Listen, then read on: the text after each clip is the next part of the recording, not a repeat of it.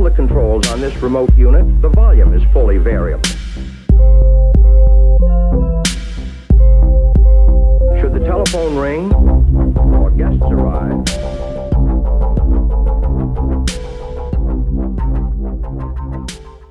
Nörd20 vi ska prata nu. A whole different ballgame sa vi lite vitsigt här. Och är det bara för att jag hittade den här bilden apropå folk som har databaser. Några för bara perforerat ulkus. I Minneapolis finns det en kollega som har en databas bara för Komotio cordis. När man får en, oftast baseball projektil i bröstet och den träffar en sån här vulnerabel period i EKG och man får VF. Eh, och, där har han följt en mortalitet då, en, en överlevnad som har gått från 15, 20, 25, 30, 40, 50, 55, 60 och det är den ultimata... Patientgruppen är liten, men ganska så angelägen för oss.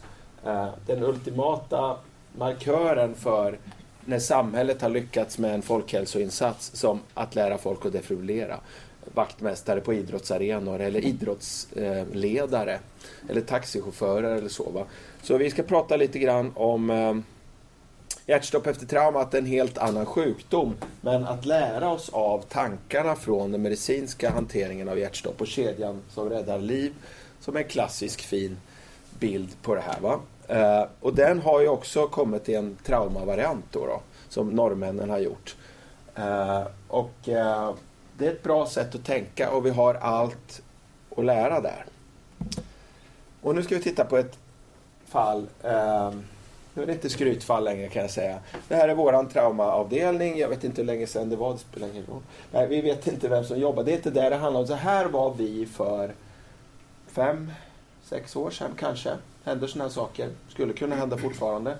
Det är inte så jäkla märkvärdigt. Det är en massa bra människor inblandade och ändå är det ingen struktur på omhändertagandet. Knivskada vänsterflank, jag tror det var på Södermalm. Mycket blod. Jag tror det var samhällets olycksbarn som hade gjort upp. Mycket blod på marken. Eh, jag vet inte därför kvaliteten på bystander HRR, vilket är viktigt eh, att få. Fast kanske inte gör någon skillnad här, det vet vi inte än. Ambulansen anländer här. Här får vi proffs på plats. 23.35, kom ihåg tiderna här. Pulslös elektrisk aktivitet finns på skåpet, vilket är en viktig markör att här finns någon form. Det, det kallar vi livstecken i det här fallet. Här blir det värre. Asystoli, den stora vattendelaren, även inom hjärtstoppsmedicinen och framförallt inom traumatologiska hjärtstoppsmedicinen första gången jag använder det här ordet. Här jobbar man, va? man fattar att det inte bara är vanlig volär som gäller utan man, man kan inte sätta PVK, man borrar, man ger vätska, jag har inga siffror. Det, det är bra, det är enligt riktlinjer och lite till. Intuberar för en akutbil är där, eh, kan alltid diskuteras då det här med prehospital intubation. Så gjorde man, inte, också enligt riktlinjerna. 23.35, 23.59, det tar ju ett tag det här. Då har det gått 24 minuter sedan patienten hade pulslös elektrisk aktivitet. Och så får man ta bort några minuter sedan asystolin börjar och så har det gått 22-21 minuter sedan asystolin börjar, vilket är en bekymmersam siffra. Intuberad, UA, blek, GCS3, ljusdelad pupilla, asystoli och allt annat som följer med att vara död. Eh, kommer in till traumarummet. Men, återigen, Ja, ja, va, om man måste lämna brasklappar hela tiden för att man inte är raljant, då kanske man är raljant. Jag kanske ska ha ett utvecklingssamtal med mig själv. Det är inte menat så. Det är med hjärtat inte menat så. Utan det här är en ung människa. Och det är inte säkert att vi vet, att de som jobbade vet att som om det inte kunde ha varit jag, för det kunde det ha varit. Det är inte säkert att de här 24 minuterna är klarlagda, så att det är ingenting konstigt att man drar igång här. Det ska man göra tycker jag. Men man rekapitulerar tiderna. Hur var det? När var utlarmningen? När var... Det är inte så att man får den här rapporten av ambulansen. Pulslös elektrisk aktivitet 23.33. Så är det ju inte. Utan det tar ett tag att få reda på det här. Man lägger drän bilateralt på en stickskada. Bilateralt är väl bra. Man vet ju inte hur den här kniven har gått. Eh, säger jag då. Och nickar. Eh, man följer algoritmen, för det är allas instruktion. Och det betyder att adrenalin ska ges var fjärde minut. Eh, men vi är på trauma så att eh, våra kollegor är igång med blod och plasma också. Det här är ju en blödning, det har alla fattat. Det ser ganska sjukt ut, men det är på intet sätt oräddningsbart sett ur en blodgas sätt. Opsal 1 börjar den här potentiellt livräddande operationen 76 minuter efter, efter det har hänt. 52 minuter på traumarummet innan man börjar operera. Nu börjar det bli jobbigt så här va. Man öppnar buken, det jobbas stenhårt och man, man kommer till insikt om att eh, det här går ju inte. Och det är ing, naturalförloppet är säkert, det, mortaliteten här är närmare 100 procent om man har systoli på olycksplatsen. Så det är inget konstigt. Men vad har vi gjort i 125 minuter? Satsat stenhårt. Ren okunskap kanske eh, på den tiden. Eh, men också brist på avstämningar och brist på liksom analys av vad är det vi slåss mot, vad är vapnet och, och hjälper det med adrenalin? Vi, vi, vi, har ju otroligt lite data, om en, ens några, på att det hjälper med adrenalin på vanligt hjärtstopp. Hjälper det på de här patienterna? Eh, hjälper hjärtkompressioner? Det är det viktigaste kanske på, på en, ja det är det viktigaste, förutom, och defibrillatorn, på en hjärtstoppspatient, medicinskt hjärtstopp. Eh, det skulle kunna vara destruktivt här. Ja, jag har redan sagt det. Va? Och vi, det, det, är precis det här vi tittar på på, på våran, eh, vad är det formella namnet? Vårdkvalitetsgranskning. Vårdkvalitetsgranskning, eller dödsgruppen som jag kallar den, när jag skriver det i min almanacka. Dödsgruppen klockan 15. Uh, eh, ja, då vet man. Och det här, då hittar vi såna här grejer. Eller det var vårt första kvalitetsprojekt kan man säga. Och det var ingen ny kunskap, men, men uh, ja, vi var sena, men vi fick en väldig ha-uppgift. Och vi, uh, vi fick sen också problem med att vi kom till jobbet, Lisa och jag och andra, och fick höra att det hade varit, ja, det har inte varit mycket bråk på det här sjukhuset. I, den här delen av sjukhuset i alla fall. Men att man hade fått andra konflikter som att eh, akutsköterskorna tog med sig akutläkaren. Nu är jag där igen. Nu är bäst vara försiktig. Därför att det var ju hjärtstopp och akutläkaren som var drillad, som han eller hon ska vara, på att ta kommandot, tog föredömligt kommando. Föredömligt inom citationstecken. Medicinare ska vi säga. Just i det caset eller? Ja. Nej, men generellt. Ja, så ska vi säga. Invärtsmedicinare togs med, tack, för att de är kungar på att leda hjärtstopp naturligtvis. Och det var alltså en väldigt god omsorg från den akutsköterskan. Och den traumaledaren och vi på anestesin hade liksom inte sa inte stopp, det här är ett annat typ av trauma, utan bra människor jobbade hårt tillsammans och det är verkligen det jag menar. Och det, det blev inte så här. Eh, men det blev liksom, men ska vi inte ge något blod? Men ska vi, jag kommer inte åt för, och ingenting blev gjort. Det blev inte FAS, för det, allting hoppade och vem var chef egentligen? Och varför blev det så? Jo, därför att medicinarna har gjort en enorm har sett till att en enorm utveckling och en fantastisk mortalitetssänkning, i alla fall på vissa patientgrupper har skett. Va? Och nu tänkte jag bara, bara rabbla några sådana. Här är ju Stockholm då. då. Bara det att få till bystander HRR fördubblar överlevnaden. Om man då startar sådana här sms-livräddare så eh, dels kan man dubbla överlevnaden och sen kan man öka närvaron av bystander HRR med eh, sms-livräddarprojektet i Stockholm har ökat närvaron med ungefär 30 procent om jag kommer ihåg rätt från en annan New England Journal av, av, ungefär samma folk som kom i samma nummer. Så att fantastiska grejer är på gång. Om man har ett bevittnat hjärtstopp i Stavanger för några år sedan då har man ungefär 50 procents överlevnad och så häromdagen såg jag siffror på 62 procents överlevnad på bevittnat hjärtstopp i Seattle Metro. Det borde väl betyda innerstan i Seattle då. En stad som, som är känd i USA tror jag. För, för sin konceptuella arbete med hjärtstopp. Det är inte så att medicinerna eh, inte har något att bidra med vad gäller hjärtstoppsmedicin. Det, det är ju uppenbart. Va? bara, bara vi läser algoritmerna bra. Och sådana här algoritmer är ju svåra att läsa när man ska göra så mycket annat. Och så här såg de ut när jag var ung. En algoritm, jag lyckas inte hitta dem. Jag har en skarp bild av att vi hade på 1900, jag var kandis typ 80, 86, 87 när jag började. Att vi hade en tablå för VT med puls, en för VT utan puls, en för asystoli, en för VF och en för elektromekanisk dissociation som det hette på den tiden, vilket inte var så dumt namn egentligen. Eh, och så skulle allt det där redas upp. Och, och så har, har man jobbat med det här pedagogiskt och så har man förenklat det ner till nästan ingenting. Va? Och jag menar att det finns en liten risk då att det, som, det här räddar liv. Den här enkelheten räddar liv. Sluta inte komprimera, ligg på hela tiden. Vi vet att vi måste bygga upp ett intratorakalt tryck. Eh, det står liksom starta under pågående kompressioner. Man bör också ladda under pågående eh, saker. Man håller inte på med onödiga pulskontroller. Man, man minskar downtime för kompressioner. Man måste upprätthålla cirkulationen. Man måste få upp ett tryck i aorta och man måste få en koronarperfusion. Annars startar inte hjärtat. Om det finns något blod va, Eh, det förutsätter ju att inte kärlsystemet är söndertrasat eller att blodet eh, har runnit ut på gatan eller att det inte kan gå runt för att det är någonting som är i vägen. Eh, och det är inte så att kollegorna på HLR-rådet inte visste det utan det finns ju, det här är längre ner på affischen. Det finns ju det finns ju, jag kan ju i och för sig tycka att korrigera reversibla orsaker är en påstående som bör stå här uppe. Va? Det, det måste ju vara med direkt för oss eh, som jobbar med så här. Så fort ni hamnar i en, en, situation där det inte är helt klart att det är en koronar medicinskt hjärtstopp så måste vi tänka på allt annat. Och det är då vår specialitet accelererar lite grann. Man kan kalla det som engelsmännen qualified CPR eller så. Alltså att vi måste jobba bortom ATLS och vi måste jobba bortom de här algoritmerna. Eller egentligen i samklang med dem. Men man får inte glömma bort det här. Man måste hela tiden analysera varför har hjärtat stannat och framförallt vid trauma. Um, som han den här Scott Weingart sa någon gång då att I refuse, I refuse to work with algorithms designed for dermatologists. Och så garvar alla. Men det, eh, och det är lite raljant, men det ligger något i det. De är skapade för att man ska ha en professionellt omhändertagande av ett hjärtstopp på en hudmottagning. Och ATLS för att i Finspång så ska man reda upp en ventilpneumotorax efter ett fall i trappa. Eh, men vi måste kunna så mycket mer. Och inte bara inom trauma.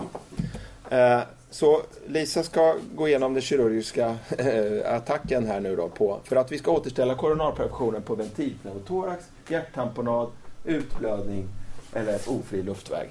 Som... Kan du backa där till förra bilden? Ja, kan jag göra. Det är, det är precis de där understrukna som du har skrivit. Hypoxiska ja, där var de ja. Hypovolymik, ja. tamponadtryckna, det är obstruktiv Det är de fyra. De ligger ju där allihop. Det står ju där. Exakt. Uh, ska vi se vad jag hade att säga mer om dem. Ja, då är det din tur. Uh, man har beskrivit bara som en liten anekdot som den allra svåraste av de här är den ut, totalt utblödda patienten. Och det är där vi har haft mest framgång på senare Men det är väl för att vi har attackerat den patientgruppen. Då. Här är det så självklart för oss att luftvägen måste säkras eh, med, bevarad, med klockan kvar där och, så. Men det här var på 90-talet kan jag säga, så till min ursäkt. Um, ja, men det är hög tid att lämna över till, till, till den, under devisen The only way to heal is with cold steel. Så är det dags för kirurgen. Men det funkar ju inte alltid. Eh, så det är ju vad du har sagt redan. Därför ja, blir, det. Ja, det jobbiga med att jag säger Blodet kommer ju liksom inte till hjärtat på något sätt. Va? Så man måste ju tänka, ställa en väldigt enkel fråga. Varför är det svårare? Jo, antingen så finns det ju inget blod därför att blodet är någon annanstans. Eller så kan blodet inte komma fram för att det är stopp, det vill säga det har tryck ventilpneumotorax. Eller så har du hjärttamponad. Va? Eh, eller så kan hjärtat inte pumpa för det kanske är kemiskt för att du har en skallskada och hypoxi. Det är ju liksom de anledningarna, de orsakerna som stod där och det är precis de anledningarna som vi jobbar med. Och då är det ju så att det är väldigt bra att man innan patienten kommer, om man överhuvudtaget ska ha någon chans att rädda en sån här patient, för att vi talar ju nu om det här med nödtorokotomi. Och då heter det ju nödtorokotomi för att man ska, eh, man ska helt enkelt göra en kirurgisk resuscitering. Man måste göra någonting för att öka cirkulationen till hjärta och hjärna. Eller hur? Så det är ju liksom den extrema resusciteringen. Men det finns ju också en typ av, för det, det, de flesta som vi ser är ju trubbigt våld här. Va? 90 procent av våra patienter som kommer det är trubbigt våld. Så gör vi nödtorkotomi, nödkirurgi på de patienterna, då är det ju för att vi ska öka cirkulationen här. Jag kommer tillbaka till det. Men sen finns det ju också de som kommer in med penetrerande våld, det vill säga skottskador eller kniv i thorax. Och då ramlar vi lite över liksom mot det här med damage control. För då handlar det om att komma in i thorax, inte bara för att förbättra cirkulationen, utan för att också stoppa blödningen va, i thorax. Så att det finns ju liksom två olika anledningar till att man gör det här. Men för oss så är det absolut vanligaste är ju trubbigt våld. Det är ju så, tack och lov ska jag säga. Och om man överhuvudtaget ska ha någon chans att rädda någon patient, då handlar det om tiden igen. Vi är väldigt tjatiga här va. Men då måste man redan innan patienten kommer bestämma sig för att det här kan vara ett alternativ. Så att när patienten kommer så är alla i rummet helt överens om att är det på det här viset, ja då går vi liksom in till, till operationssalen direkt. Det är ingen idé att stanna på traumarummet då. Så att man, det är viktigt det här med avstämning, att man diskuterar det i rummet innan. Om man vet att det är en patient som kommer in som till exempel är intuberad, då vet vi att patienten är dålig. Ibland får man väldigt dålig information. Eller om vi vet att det är pågående HLR. För att är det då på det sättet, då måste man ju direkt bestämma är det aktuellt att göra en torkotomi eller inte. Om man bedömer att det inte är det, ja då ska man ju vara kvar på traumarummet. Och då får man utreda med ultraljud och kolla om det är hjärtamponad, man får lägga ett par drän. Va? Se om hjärtat slår överhuvudtaget. Eh, och sen måste man också tänka, vad är traumamekanismen här som jag var inne på? Är det penetrerande våld? Ja, då kanske man måste gå in och operera för att stoppa blödningen. Alltså där ökar ju indikationen, det är ju liksom olika saker. Eh, och sen så måste man också utifrån traumamekanismen tänka vad är rimligt? kan jag överhuvudtaget rädda den här patienten. Jag menar hopp från Västerbron, liksom, det, eh, där vet vi ju liksom att det, det kanske vi inte kommer klara. Sen vet man väldigt lite om patienten när den kommer igenom dörren och dess fysiologi förstås. Det kan ju vara så. Men det finns ju vissa, vissa skademekanismer som, där man måste ändå tänka att det här kommer nog inte funka. Va? Jag har klarat en patient som har hoppat från Västerbro. Mm, jag vet, vi har det. Men vi, jag kan säga det att vi har inte klarat väldigt många också som har hoppat från hög höjd.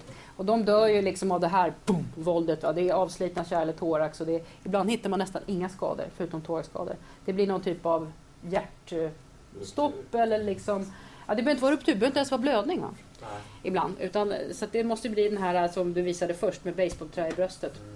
Jag vet inte. Och även hjärnan inblandad i nya Ja. begreppet eh, brain, Just det, det där ja. Apnea. Ja, brain apnea. apnea, Ja. Så det är nog Impact de... brain apnea. För ibland ser vi ju inga skador. andningsstopp som följs av cirkulationsstopp också. Mm. Så att man dör så fort som man hinner nog inte få några blödningar tror jag. Någonting sånt är det. Men skademekanismen kan vara viktig. Och vem ska vi då torkatomera? Vem ska gå in till opsal? Jo, det är, alltså vi har vissa sådana här principer. Då kan man säga cirkulationstillstånd över 15 minuter. Eller förlåt, under 15 minuter efter penetrerande våld. Under 10 minuter vid trubbigt våld. I praktiken så kör vi liksom 15 minuter rakt av. Eh, och sen så finns det ytterligare en indikation. Det är ju patienter som liksom bara har jättelågt tryck och det, som blir dåliga på traumarummet. Eller som kommer in med, med cirkulation men är väldigt, väldigt dåliga. Eh, och man inte kan kontrollera det här med vätsketillförsel eller blod. Så säger du nu alltså att om vi får en så bra rapport av eh, ambulanspersonalen att det ser ut så här, att vi Mm. då inte ens stannar till på traumasalen Ja. Det- Absolut. Det gör vi hela tiden. Vi stannar aldrig på traumasalen då. Kör in bara. Men, och, och varför är man liksom 10 minuter? En del är ju mycket hårdare. Va? En del har 5 minuter trubbigt våld. Därför att alltså, dödligheten vid trubbigt våld är väldigt låg. Vad hade vi den genomgången vi hade? Vi hade 90 procent va? 86 procents dödlighet. De här 24 patienterna gick igenom. 10, 90 procent Ja, exakt. och det är extremt bra. Så det måste vara... Ja, det, det är är väldigt det, är bra. från 90, det kommer från 98 procent till 90 nu i västvärlden. Så. Ja, och penetrerande våld, där är det mycket bättre för det är en helt annan sak. Därför då kan det vara blödning och alltså det, det, det är, penetrerande våld är mer distinkt. Va? Trubbigt våld, du kan ha massa andra skador, mycket sämre överlevnad. Och varför är man då liksom så himla svajig på de här siffrorna? Jo, det är ju för att det här, vad fasiken är cirkulationstillstånd? Mm. Vad är det? Vem kan säga att du har ingen cirkulation? Alltså det är kallt, ligger i dike, känna på pulsen där. Det var inga pulser. Men patienten kanske visst hade en bevarad cirkulation här. Eller hur? Så att det där är svårt va? Du hade en fråga? Med tiden igen, om det är så att kommer in och lägger av hissen på vägen till sammanrummet eller kraschar där, då är det väl öppning direkt där man är? Ja. Om patienten kraschar där, då får man öppna på traumarummet. Man vill ju helst undvika det. Ja. Ja, man, mm. Men helst att gå över på Uppsala. Alltså. Men kraschar han precis där och då, ja, då kan man göra det. Alltså det här är ju Solna då. Då är det inte jätteofta det här kommer in eller om det någonsin Nej. det på andra sjukhus i Stockholm. Men om du skulle göra det, vad är din rekommendation till dina kollegor? Alltså är det så att man ska vara beredd att göra en, liksom, på ett akut, alltså som i Huddinge har vi ju liksom flera mil till operationssal. Ja. Känns det som. Ja, och det är svårt. Va? Vad har du för chans att rädda patienten? Sannolikt ingen. Det du kan stödja dig på, det är den här tiden. Om du har över längre tid än det här, då kan du säga att kanske det är inte är så bra idé att göra det. Va? Eller hur? För det handlar ju om att om du ska kunna göra någonting så måste du göra det nu och du måste be Pierre att nu tubar du och sätter subclavia samtidigt och du transfunderar. Annars har vi ingen chans. va? Och kan man inte få det, den kombinationen, då spelar det ingen roll hur mycket du öppnar thorax. Det är liksom, att, Men om patienten går in med kniv i bröst i hjärttrakten ja, det är en annan sak. Med åtta minuter, eh, pulslös elektrisk aktivitet fram till för åtta minuter eller sex minuter sedan. Händelsen för 25 minuter sedan. På ett universitetssjukhus, eh, inte för att plåga Huddinge nu då. Eh, då vet vi att penetrerar våld i thorax, då, är- då är stick i hjärtat den med bäst överlevnad. Absolut. det är så jävla lätt att förstå. Det är så lätt är att fixa va? Men mekanismen är uppenbar. Och det kan man väl egentligen säga, som skattebetalare vill jag att kirurgerna på Huddinge ska kunna öppna den thoraxen på, på några få minuter. Det Mm. tror jag man Mm. borde begära. Du har Men- ingenting men att det är med förlora. fullständig respekt för kollegor, att kollegorna där idag inte Mm. har möjlighet. För du vet, har du en tamponad, Det är där du kan rädda patienter. Det Jag är tänker mer så här, man står på akutrummet och det är inga lampor. Och, alltså, Ja, men det- det är- lampor man åka därifrån sen genom hela akuten när folk Ja. ligger i korridoren. Och, alltså, Ja men, det är ja men det är inga problem. Utan det är mer det där med, med att eh, alltså, vad det är för skademekanism. Om det är ett hugg i hjärtat och det är tamponad, då kan du potentiellt rädda en patient. Och du kommer, då ska man göra det alltså. Men hur ofta är det? Ja, det är inte så ofta. Men absolut så ska man det. Man kan ju vända på resonemanget och säga så att inte göra det. Ja. Alltså, vad, vad har du att förlora? Det- Trubbigt Det är en våld, annan sak. psykologisk barriär bara, eller hur? Så att gör du ingenting, då vet du absolut hur det går. Mm. Det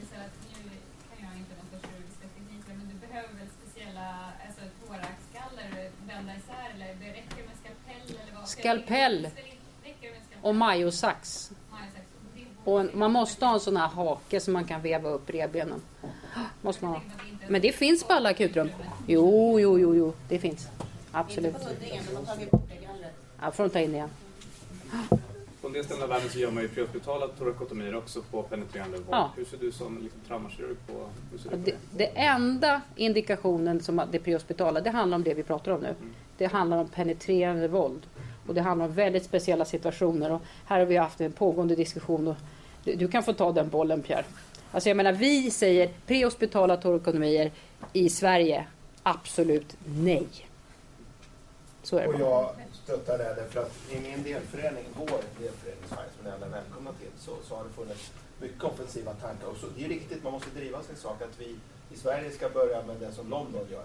London har ju en traumahelikopter som flyger på 12 miljoner människor. De har en liten tränad grupp människor som har gjort eh, 83 eh, sådana och klarat 11 eller någonting. Om det nu blir 17 procent, ja det tror vi blir. Eh, 17 procent, det låter fantastiskt. Varför gör inte vi det? Ja, innan vi skulle få upp 83 sådana. så går det- Penetrerande våld, ja. Precis, det är bara dem. så att vi, ja, vi ser London som en fantastisk eh, drivbänk. Eh, de tar nästa steg. Prehospitaler i Boa är samma fråga egentligen. Vi, är inte, vi har så mycket andra saker vi måste få på. Vi Till exempel ur mitt perspektiv, läkarbilen går inte ens dygnet runt. Vi har, ing, vi har noll minuter per, per månad i utbildning. Vi går dit bemannar den, börjar fakturera från 07.00 fast vi kommer halv sju och så jobbar vi börjar gnälla också i 14 timmar. Det finns ingen utbildning, ingenting. Upphandlingshelvetet har ju förstört. Mm. Vi vill ha en landstingsklinik, tack. Och det har BGR-helikoptern, så de har andra möjligheter. Så vi hoppas på dem lite Mm. grann. Och de driver det här och där finns det spänningar. Men vi, du ser det så, jag ser det så. Mm. Norsk kompetenstjänster för center. Ja, de har ett nationellt kompetenscentrum. Med. tydligt, det här ska vi inte hålla på med Nej. Norge, vi måste fokusera på andra grejer. Det är så få fall och de antal man måste utbilda för att man ska kunna göra det. För att man måste kunna hantera komplikationerna. Det finns en så stor risk i det här. Och som jag började med att säga, det är den extrema formen av resuscitering. Eh, vad gäller trubbigt våld. Och sen så är det ju det att lätta på tamponader och penetrerande våld som egentligen det, vi, det som det handlar om här. Det är de man har räddat. Eh, så att det är nej. Vi har så mycket annat som kan förbättra patienters överlevnad. Mot detta ställs ofta frågan, vad har du att förlora? Varför ändå inte göra det? Ja, det kommer alltid tillbaka den frågan. Och sen smygs det ju in någon slags blåljusromantik i det här. Det finns någon slags lite hero och i Oh ja. fina hemsida och man har gjort Reboa. De har inte gjort så många som man tror. Sju jag. Max. Och de tar typ 45 minuter. Ja, jo, men sen det- är väldigt flashigt och det låter fantastiskt. Det blir absolut det. Men någon slags folkhälsoperspektiv är helt ointressant. Mm. Jo, men det, det, alltså det stora farhågan här är ju att, att man överhuvudtaget bör reflektera över sådana saker innan man når sjukhus. Det är, jag är mest rädd över att det kommer ta tid. Det kommer ta tid. Och den tiden är liksom hundra gånger viktigare för patienten. Och din kommentar avgör ju, menar, ska vi satsa på det här när Huddinge, universitetssjukhuset, på Huddinge inte ens har ett galler på akuten? På akuten. Vad Och in ska vi komma då och öppna thorax redan. Jag menar, Ja, det, förstår att vi börjar i fel ände då. Det är lite mor, det är inte okej. Ja. Så att, men nu ska vi se här. Ja, så vad vi vill veta när de kommer in här nu då. Det, vi, vill ju, vi vill ju veta några saker. Vi, vi vill veta om det finns tecken till hjärtaktivitet och så vill vi veta finns det central cirkulation. Det är liksom de sakerna vi vill veta. Det är två saker. Och då frågar vi så här. Hur länge har HLR pågått? Ja, då vet de oftast det. Ja. Bra, för då är ju patienten uppkopplad. Då. Finns komplex på EKG? Har ni sett något? Har, liksom, har patienten, sen är det ju så att om patienten får adrena- adrenalin så kan man ju få lite tillfälliga sådana här. Så det får man ju också väga in. Va? Men har det funnits komplex? Det är viktigt. Och sen var det någon koldioxidretur när patienten intuberades? För det är ju ett tecken på central cirkulation. Det är i alla fall någonting. Va? Vet, Så det är de. vet man det då? Har man Ja. alltid, monitorerar man alltid det? Men man får ett värde Ja. ju. Alla, Men- alla narkossköterskor och läkare som tubar idag har, har en Emma. Om inte den har gått sönder så vet man det. Och, och jag upplever att medvetenheten om att man ska titta på det, rapportera det, ökar och är god. Och helst ska det vara kurva också. Och det har vi precis fått då. En liten, liten kurva. Så att man kan i någon mån se progress. Det- Man kan räkna med att det görs, att det är så. Liksom. Ja, Mm. däremot så tror jag att man inte är riktigt lika medveten om att det är viktigt att koppla upp DEFen faktiskt. För vi vill veta Ja. just pulslöst. Det är en enorm skillnad. Om vi tar fallet, för, för att ta Eriks fråga då. Fallet jag drog som var som jobbigt Mm. var. Där var det ju säkerställt 22 minuters asystoli. Inte säkert att prehospitalet kunde säga det, men om, om du hade fått det, 22 minuters asystoli, då hade du inte öppnat denna 20-åring. Eller? Inte om man inte hade några andra tecken. Alltså ingen, ingen koldioxidretur. då hade vi frågat och dubbelkollat, vad fanns det något på Entidalt? Och så, så börjar man få lite divergerande uppgifter och så. Ja, och så var det knivskada. Ja. Ja, då, är, då, är, då, då skulle man ju kunna ta då tar man in patienten på operation. Ja. Om det är otvetydigt. För att det är ofta otvetydigt. Det är inte liksom alltid 100 procent. Ja, men det är 10 minuter och sen så visar det sig att det var 22 minuter. Alltså det... Man, om man inte gör det, står i 52 minuter Mm. och sen tar beslutet och håller på i 75 minuter Exakt. till. Och det är hela tiden en systoli. För principen är alltid, var så himla aggressiv du kan när du har förutsättningar att göra något och kör, och kör på stenhårt. Va? Och sen slutar du lika snabbt. Precis som med massiv transfusion. Alltså om man gör det här, då kommer du in i thorax på ganska snabbt, inom fem minuter. Va? Vi har bra tider, men alltså det är inte svårt. Det är bara att man bestämmer sig, gå in där och gör det. Och sen så ger du kanske två, tre påsar blod. Och det räcker för att få en central cirkulation om du håller på aorta. Då får du liksom snurr här, du behöver inte mer än det. Och då måste man ju se dynamiken. Va? Svarar patienten på den här aggressiva resusciteringen? Ja, nej. Om, in, om du inte har några komplex, ingenting, ingen puls, inget svar, hjärtat börjar dilatera, lägg ner. Håll inte på mer än 15-20 minuter. För du har liksom, man måste på för det, det, man ska heller tänka liksom, vi ska ju inte ge 20 påsar blod på en patient som inte kommer att överleva. Man ska absolut inte laparotomera en patient som inte svarar på resusciteringen. Då är ju patienten död. Och vi gör ju inte liksom obduktion på operation. Så att, eh, men det görs inte längre. Ja, förlåt. Hur gör man då? Just. Nej, men då gör man antrolateralt vänstersidig torakotomi, så det är den. Ska inte göra den där. Inte sternotomi. Eh, därför att nu måste man lära sig ett sätt och då lär vi sig här. Och man når nästan hela hjärtat om man gör på det här sättet. Och då eh, skär man från sternum under mamillen, precis i den nivån där man lägger eh, thoraxvändet. Och så skär man från sternum hela vägen ner till bordet i en kurvatur ner till mot armhålan. Och sen så går man bara in precis eh, mellan revbenen och så stoppar du in fingret. Eh, du går ovanför revbenet precis som när du gör eh, lägger drän. Bara för att man inte ska eh, skära i och interkostal eh, kärlen. Och sen så gör man ett hål i pleura och så klipper man rakt upp och rakt ner. Eh, och det där tar inte lång tid. Och ofta blöder det ju ingenting. Därför att eh, det är därför vi gör det. Så att säga. Så att eh, om det börjar blöda, och då, det, det som börjar blöda först om patienten får cirkulation, det är ju mammaria, interna som går ganska nära sternum. Den ligger liksom här. Och då måste man ligera den. Men tyvärr så är det sällan man behöver göra det eftersom det är många som man inte, de flesta klarar sig ju inte. Så målet är då som vi har sagt redan, stoppa blödning om det är penetrerande våld. Och sen är det att komprimera aorta, öppna hjärtsäcken för häva tamponad och göra hjärtkompressioner. Och då är det där med inre versus yttre hjärtkompressioner. Då kan man göra inre hjärtkompressioner och det är mer effektivt än yttre. Eh, Så. Men det, det stora anledningen är om patienten kommer att överleva, då kommer hjärtat igång när blodet kommer. När, cirkulation, alltså när volymen kommer så kommer hjärtat igång. Men då är det de första hjärtkompressioner som görs sen du sa in på op. För patienten måste flyttas över. Absolut, sluta komprimera. Ja, man, man måste våga sluta komprimera för att Ja. komma dit. absolut, det går inte att göra någonting. Man får flytta över till op-bordet och sluta komprimera. För då, det går ju inte att sätta nålar eller tuber eller någonting. Tuber det är de ju oftast ibland, och inte alltid. Det går kanske i och för sig. Ja, men det är ju lite liksom, det går ju... Ja, Nej, men är det utblödning så är det sannolikt skadligt att göra yttre hjärtkompressioner. Därför att om det var någon liten cirkulation kvar så kommer den inte tillbaka till thorax om den lägger på ett högt intratoracalt tryck också. Och hur ska vi nu vända den här framgångssagan med att komprimera, sluta inte komprimera, komprimera, sluta, till Sluta komprimera. Jo, det är för att traumaledaren leder traumagänget och säger att här är undantaget. Nu vill jag att ni slutar komprimera. Nu ska vi ha ultraljud i hjärta, bilaterala thoraxträn eller vad vi nu ska göra om vi jobbar i traumarummet. Eller sluta komprimera, jag ska öppna bröstkorgen. Mm. Sen ska vi komprimera igen.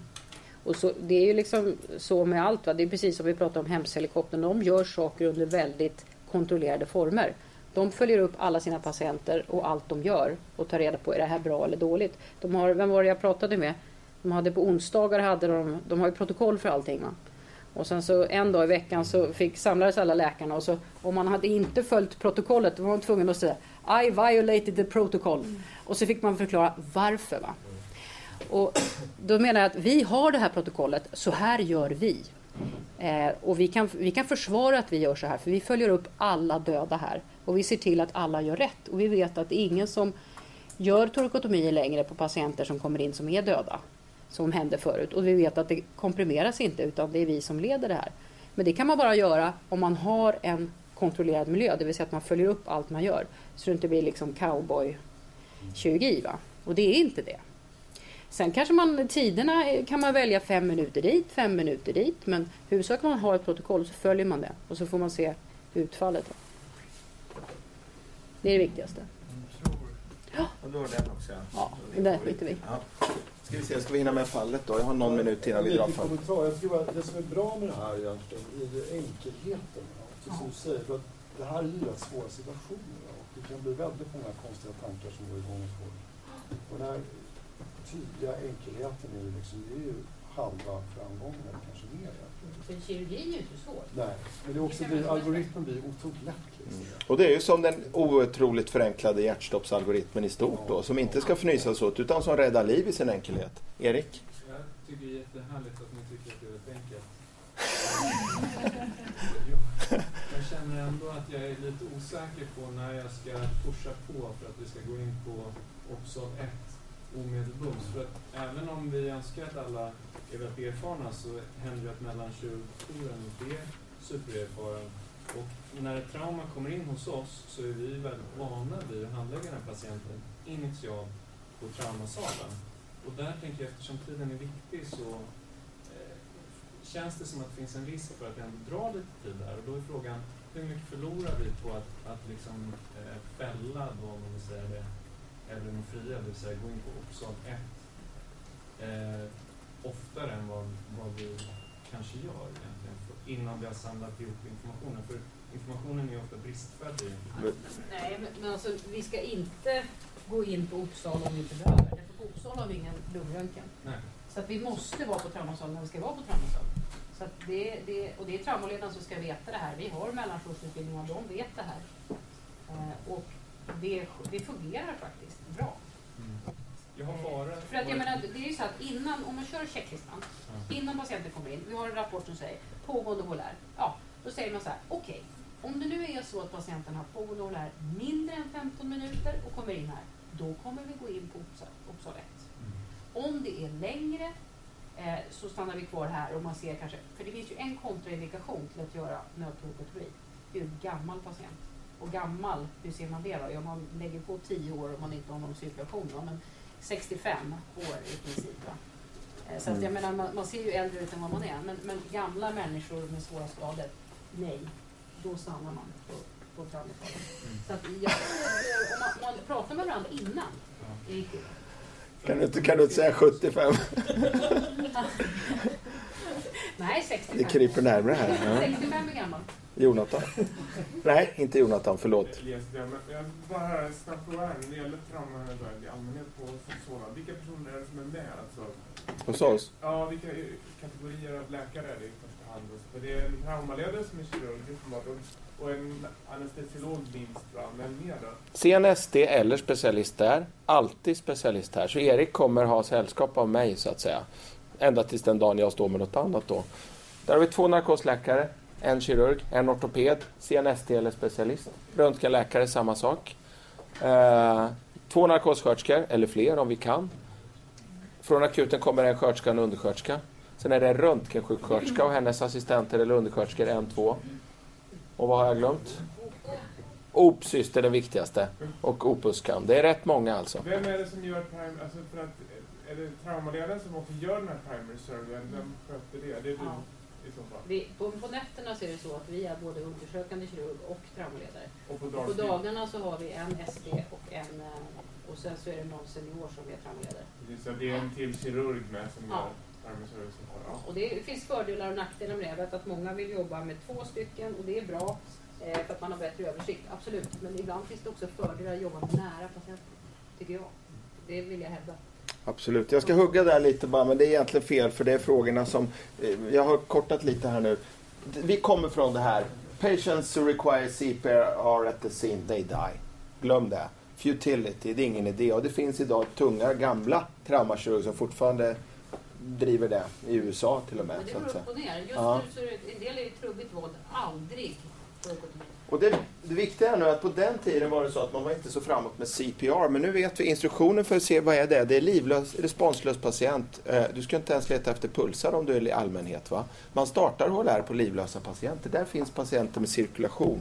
Det är asystoli i så fall. Om vi skulle byta det här med asystolic trauma patients, they die. Det håller jag med. Eh, så här ser det ut i London, eh, att de har 7,5 procent. I det här materialet så har de snyggat till det, höll jag på att säga, med att ha med lite hängning och lite drunkning och grejer. Som ofta tyvärr, det går dåligt i längden, men de går ofta att få igång och så. så att, eh, tittar man på ett, men 7,5 är någon slags riktvärde då, då, på ett ställe där de ju verkligen har resurser. Vi tittade på 76, 70 patienter där då och eh, eh, Sju patienter levde efter, de har fått HLR prehospitalt efter trauma, är det kohorten här då. Eh, det var ju bara trubbigt. Ja, det råkade vara det. Mm. Eh, ren trauma, det är lustigt va, så det är en märkligt hög siffra på trubbigt val. Men detta är en, ändå en sann siffra, det är inte forskning, det är mer exakta våra data bara. Eh, Lockheed för siffra? Var det samma? 7,5. Ja, Fast det- den var- hade de skarpt där då? Ja, eh, får vi titta. Mm. Men du kan ju också säga att, att om du tittar på det, det var ju nödtorakotomierna. De, behöver ju inte, de ju inte vara döda när de kommer in. Eller? Nej, vi tittar på dem, vi tittar på dem vi gick på operation. Precis. Exakt. Ja. Jag menar, du kan ju ha cirkulation och få en nödtorakotomi. Hur som helst så, så tycker vi att vi verkar ligga fram. Och eh, ett påstående som gö- görs av de här människorna då är att standard HLR utan att leta efter patologin, det är liksom inte synd att, som det här första fallet, synd att man inte tänkte på att det kunde ha varit, utan det är helt oacceptabelt. Det är inte standard of care längre, men vi måste kunna de här sakerna. Och det måste finnas ett galler i Huddinge naturligtvis. Och det är ingen spejsad eh, machogrej utan precis en gång per år eller någonting kommer in någon ungdom där som dumpas utanför era sjukhus. Och Södertälje har varit med om det flera gånger. Ni får starta och sen Falken har åkt till Nyköping en gång. Vi kan köra ner kirurgerna till er och sådär va. Narkosläkaren är ingen som har bett åka någonstans. Eh, den här läser man med intresse. Det här är ju ett fantastiskt bra kapitel. Det här kom ju i september och det var bra redan innan. Nu är det ännu bättre och där finns det för den som vill. Nu, nu har vi sex minuter på fallet. Du och jag. Det här fallet är ett sånt där skrytfall då. då. Det, men det är extremt. Men det, är, det belyser ju principen. Eh. Ja, exakt. Eh, en polsk gästarbetare står och lastar av sig någonting så här, sina grönsakslådor eller vad det var, eller trädgårdslådor så. Det här är hans bil och det här är hans lådor. Eh, ja, skitsamma. Det kommer en bil som inte borde komma, den borde åkt där ute. Så han, han kastar sig undan och blir träffad av en personbil, bokstavligt talat på låret, mellan sin egen bil och en bil hamnar så här. Då hänger han så. Och det är en jäkla smäll helt enkelt. Det tar sex minuter för eh, ambulansen att komma och sen tar det ytterligare minuter. Ni tittar här. Vi har, vi, det, det blöder uppenbarligen. De tar loss patienten. Det har gått tio minuter de har fått loss patienten när brandkåren har ryckt loss bilen så de kommer åt. Och då är patienten uppenbart blödande från det här avslitna benet som ni kommer få se. GCS3, ingen andning, intuberas utan farmaka. Det, det har kallats en dödsmarkör lite, men det måste det inte vara om det inte är skallskada. Då är det illa, men det är inte skallskada här. Snabb svag puls tycker de sig känna. De ger ingen acetat, de sätter ingen tourniquet och det beror väl på att de inte fick dit den helt enkelt. För det såg ut som det såg ut.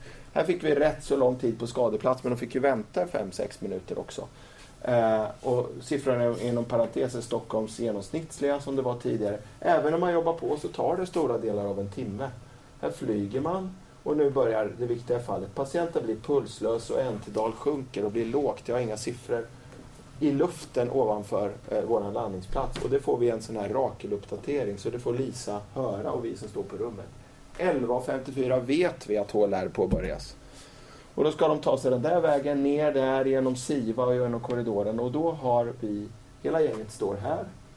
Och där är checklistan och du har gått igenom den och sagt att du ska fråga efter livstecken och sen kommer beslutet. Ja, allt, precis. Därför att vi hade ju förutsättningarna Mm. klara då, så vi visste ju det.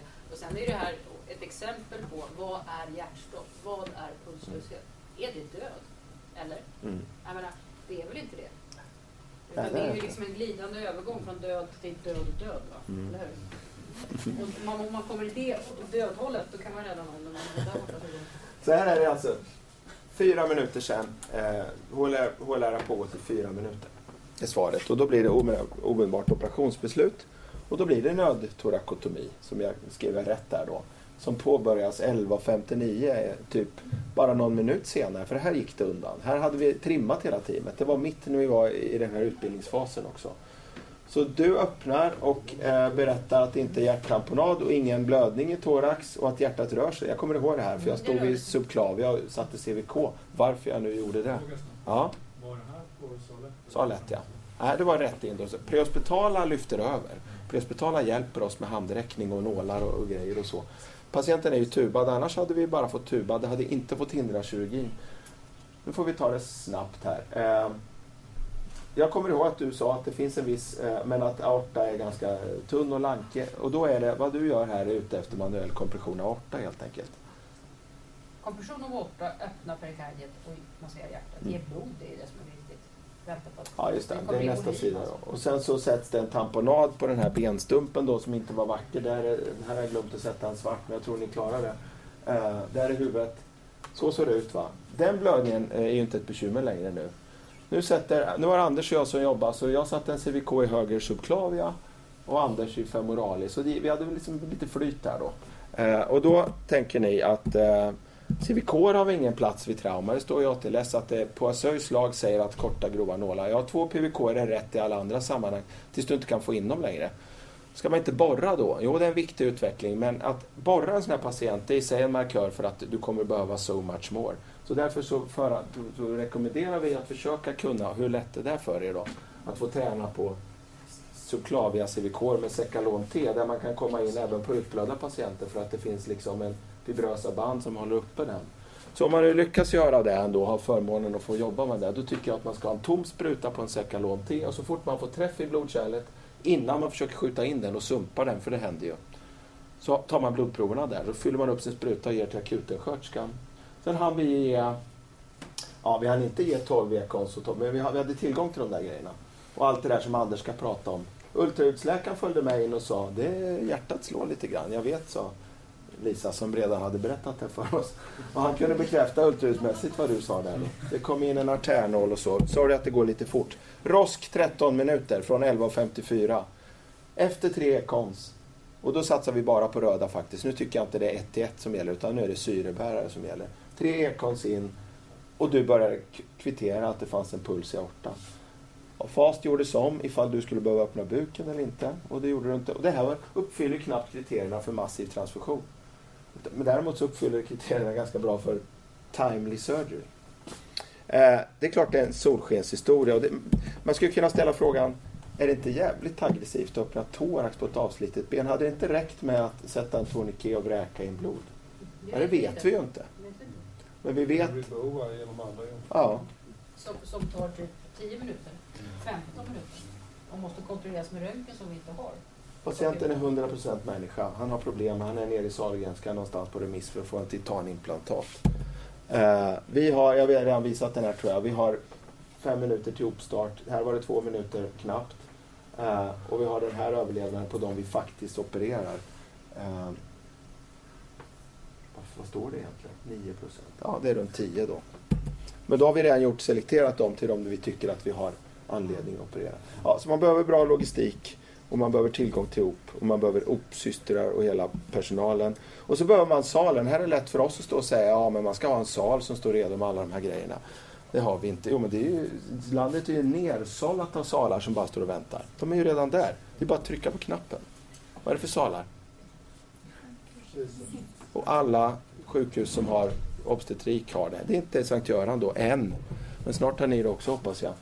Eh, det är bara att samlokalisera de här sakerna förstås. Opettan är ju våran omedelbart snittsal också. Det är bara att lägga dit några galler till. Det är lätt att säga så. Men, men, men det är klart att lösningen finns inom. Det är ju självklart. Det bara trycks och det är inga kirurger inblandade. En barnmorska bara trycker så bara går vi dit och bara gör det. Det är klart att traumatologin kan ta efter det. Det behövs inga ECMO och det behövs inga eh, hjärt-lungmaskiner. Det behövs inga thoraxkirurger. Sen kanske du får ta hjälp. Sankt Göranskirurgen kanske står med hålet på och försöker stapla det där och, och då får väl thoraxkirurg eller någon av er åka ner och hjälpa till. Det är ju inte det att vi inte att man måste klara allt själv här, men man måste börja. Där är tiden ute. Jag eh, byter bild helt enkelt.